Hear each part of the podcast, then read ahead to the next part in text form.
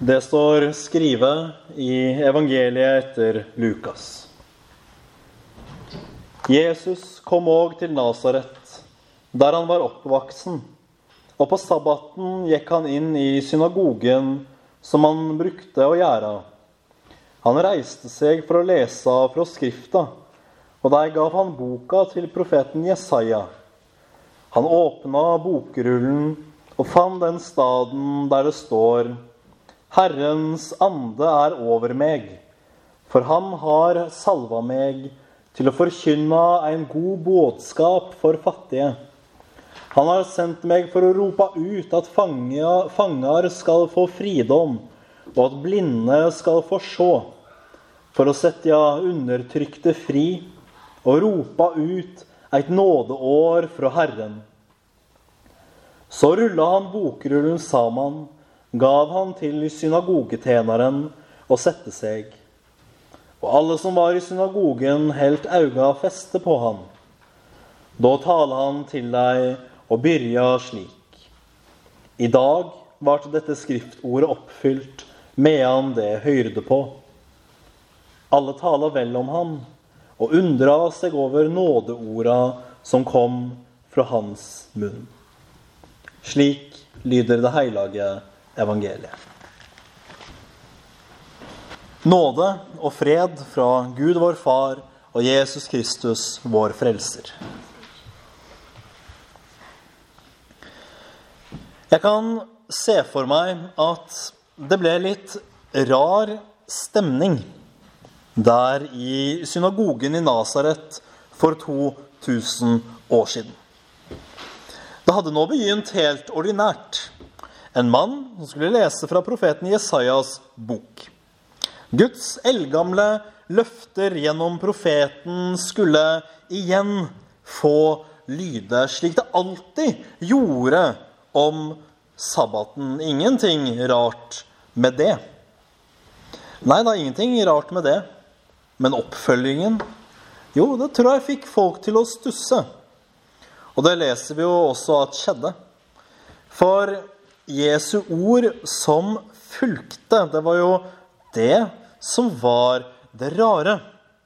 I dag er dette skriftordet blitt oppfylt mens dere hørte på. Som å si mens dere satt der og hørte de ordene dere har hørt så ofte før, og de løftene som dere har lengtet så inderlig etter, ble de oppfylt mens jeg leste. For jeg er disse løftenes oppfyllelse. For da profeten Jesaja skrev ned disse ordene, så var det ikke seg selv han siktet til. Profeter ble aldri salvet, med et unntak. Dette tilhørte konger og prester. Det var de som skulle salves. Og helt spesifikt sikter det her til Messias. Den Guds tjener som det var lovet at skulle komme. Og Messias betyr jo bare den som er blitt salvet. Eller Kristus, som er den greske varianten. Så når Jesus Kristus leser denne teksten, så er det altså seg selv han leser om. Og derfor kan han også si det han sier.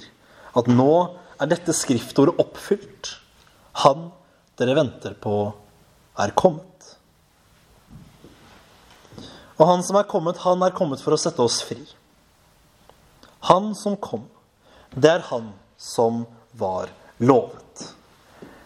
Guds egen sønn, den salvede Messias, han vi kaller Jesus. Men han kom jo ikke bare for moro skyld, bare for å se ok, hvordan er det egentlig nede på jorden blant disse menneskene. Nei, da Jesus kom, så var det som et lys i verdens ytterste mørke.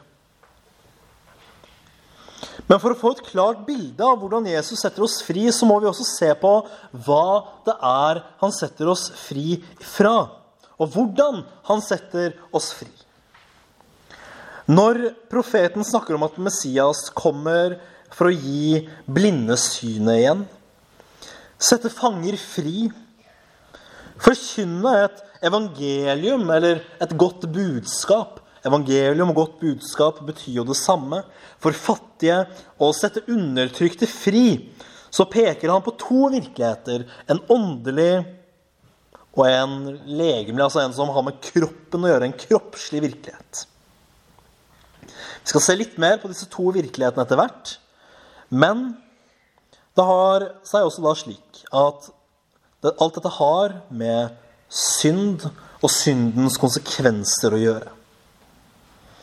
For synd det er først og fremst en innvendig sykdom. En brist, om dere vil, i oss mennesker. Som vi bærer med oss fra syndefallet. For det første så bærer vi også med oss våre første foreldres skyld i dette. Samtidig som vi pga. denne bristen utfører også egen, egne synder. Og på den måten fører skyld over oss. Nå blir jo spørsmålet som kanskje reiser seg, hva er synd? Og det kan være vanskelig å svare på, men samtidig har vi det klart lagt ut for oss i Bibelen at synd er alt som går imot Guds gode vilje, og alt som setter Hans bud til side eller bryter dem. Alt som forsøker å sette meg selv på tronen i stedet for Gud. Man hører gjerne ikke så mye om synd i våre dager. Begrepet er liksom blitt foreldet. Og ting man for bare et par generasjoner siden anså for å være i strid med Guds gode vilje for oss mennesker, er nå den største selvfølge. Dette fører oss inn i et stadig større åndelig mørke. Men vi skal heller ikke lure oss til å tro at det er verre nå enn det var før. For det store åndelige mørket det har ligget over verden helt siden Adam og Eva gjorde opprør i hagen. Konsekvensen av dette opprøret er at vi avskjæres fra det evige liv, fra samfunnet med Gud, og vi risikerer å pådra oss den fryktelige fortapelsens dom. Det er syndens åndelige virkelighet. Men synden har også en legemlig virkelighet, der den er en destruktiv kraft i djevelens tjeneste, som overalt hvor den får herske, søker å ødelegge og rive ned det som er sant og godt. Jeg trenger knapt å komme med eksempler. Hele vår menneskelige verden er gjennomsyret av dette. Helt fra det første broderdrapet, da Kain tok livet av sin bror Abel, og opp til våre dager Splid, ondskap, ødeleggelse. Verden ligger i et mørke, og vi trenger desperat frelsen. Og det er i dette verdens mørke at Guds egen sønn Messias står fram i en synagoge i Nasaret og roper ut et nådens år fra Herren. Han roper ut et godt budskap, et evangelium for fattige. Fanger skal bli satt fri, blinde få synet, og undertrykte få sin rett. Alt som hører med til evangeliet. Også i denne friheten som Jesus vil gi oss, ser vi at det finnes to slags virkeligheter. Nok en gang en åndelig og en legemlig. På grunn av syndens makt over oss, dens herredømme i våre liv, var vi dens slaver, dens fanger. Kanskje har du selv kjent på det, å være fanget i synd. Det kan være så mangt. Og Jeg vil ikke liste opp eksempler, men syndens makt er sterk. La det herske liten tvil om det. Vi kan ligge under den selv om vi ikke vil. Selv om vi ser hvordan den skader vårt forhold til Gud og vårt forhold til medmenneskene. Like fullt kan dette fangenskap også skade oss selv.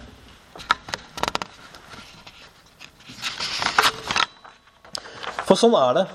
At når synden stadig søker å ødelegge, så er det først og fremst mellom Gud og mennesker, og mennesker imellom, at den vil ødelegge.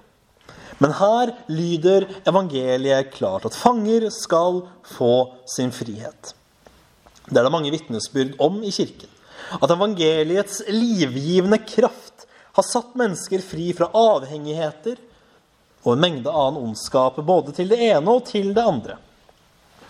For sånn er det med Jesus, at han kom ikke bare for å sette i stand det åndelige, og så bare la oss virre rundt her uten mål og mening. Men han vil også gi oss velsignelse og frihet her i dette livet. Ikke sånn forstått at vi bare skal bli rike og vellykkede. Nei, absolutt ikke. Men å sette oss fri fra syndens ondskap, i alle fall til en viss grad. Men likevel ikke helt. For syndens dragning den vil være med oss helt til vi går over til det neste livet. Og helt fri blir vi ikke før vi kommer til himmelen. Men likevel kan mange vitne om evangeliets frigjørende kraft fra rusmiddel, rusmidler og mye annet. Men så hardt har også djevelen knuget oss at vi i sannhet var, og også er, undertrykte. Men evangeliet det er stadig et budskap om frihet og oppreisning. Om verdighet og glede. Verden forstår ikke nødvendigvis dette, fordi verden den ser en synder og søker i egen, egenrettferdighetens navn å øke syndens lønn, som er død og fordervelse. Den påfører mer skam. Den snakker om og forøker ondskapen med baktalelse og ryktespredning, men tilgivelse og nåde er den blind for. Men når evangeliet kommer til en synder, så bringer det oppreisning. Hva enn du har gjort av ondt, så skal det bli deg tilgitt. For Guds sønn Jesu Kristi skyld. For en fantastisk nåde! Hva er vel dette for en som har et sånt budskap? Som lar slike nådens ord gå ut fra sin munn? Jo, det er Han som har frelst deg og gitt sitt liv for deg. Jesus Kristus, Guds lovede Messias. Han kommer. Også for å åpne våre øyne. Vi som er blinde av dette mørket. Også dette har to aspekter, som mye annet jeg har snakket om hittil.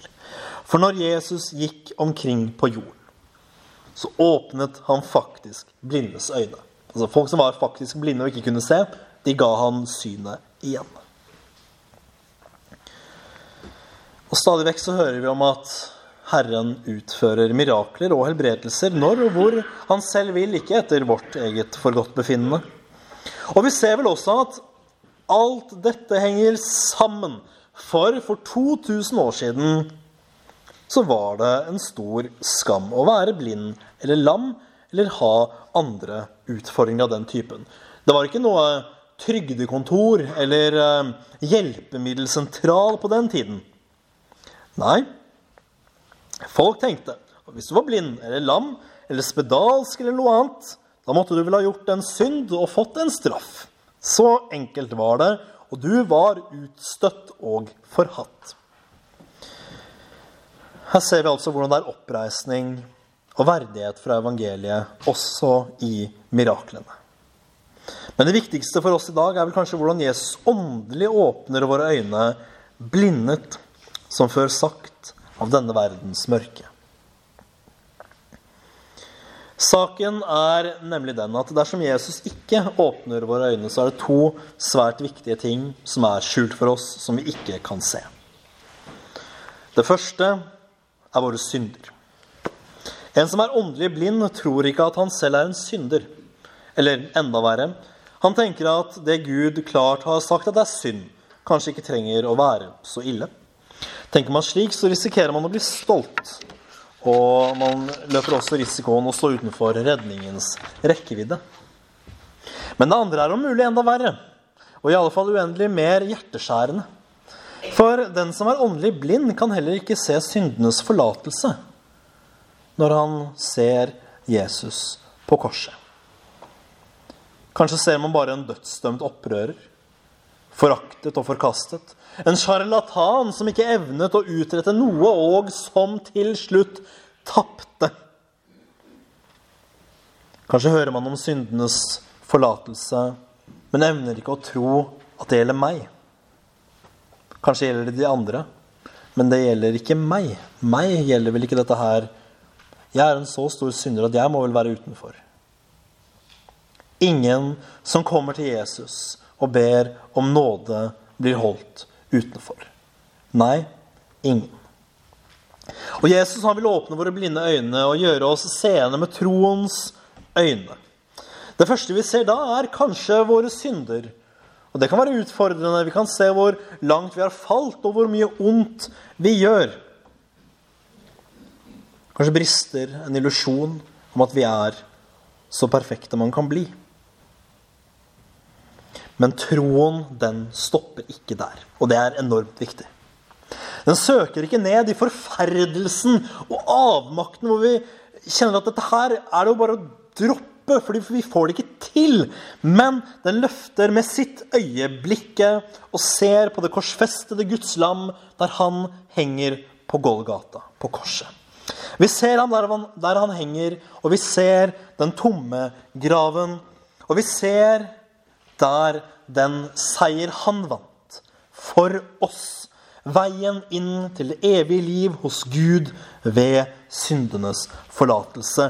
Og det er jo nettopp dette som er evangeliet, det gode budskapet til oss som er fattige. For visst er vi fattige. Og vi må alltid regne oss selv som fattige. Fattige i ånden, som Jesus taler om i Matteusevangeliet. Hva vil dette si å være fattige i ånden? Jo, det er egentlig alt jeg har sagt hittil.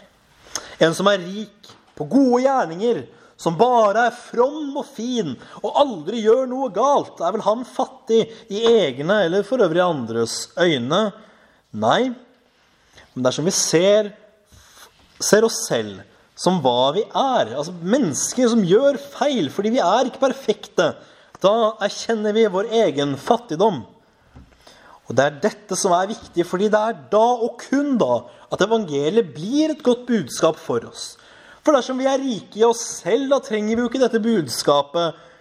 Hvis jeg er perfekt, så trenger jeg ikke Jesus.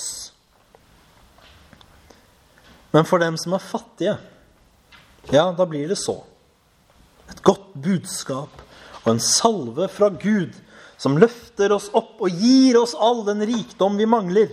Ikke fordi vi fortjener det, men fordi Gud alene, av nåde og kjærlighet, øser det ut over oss. Og det kan vi i sannhet tro og bekjenne at Gud gjør og vil gjøre. Det er også verdt å merke seg én ting. Og Det er at Jesus avslutter sin lesning fra Jesaja med ordene et nådens år fra Herren. Så står det at han rullet sammen bokrullen. Hva med det? Jo, hvis vi går til Jesaja og leser, så ser vi at Jesus avsluttet midt i en setning. Setningen ville konkludert med 'og en vredens dag fra Herren'. En vredens dag. Men Jesus han stopper ikke der. Han stopper setningen før, ved nådeåret. Hva skal vi tenke om det? Jo, dette her er ikke uvesentlig. Dette er viktig.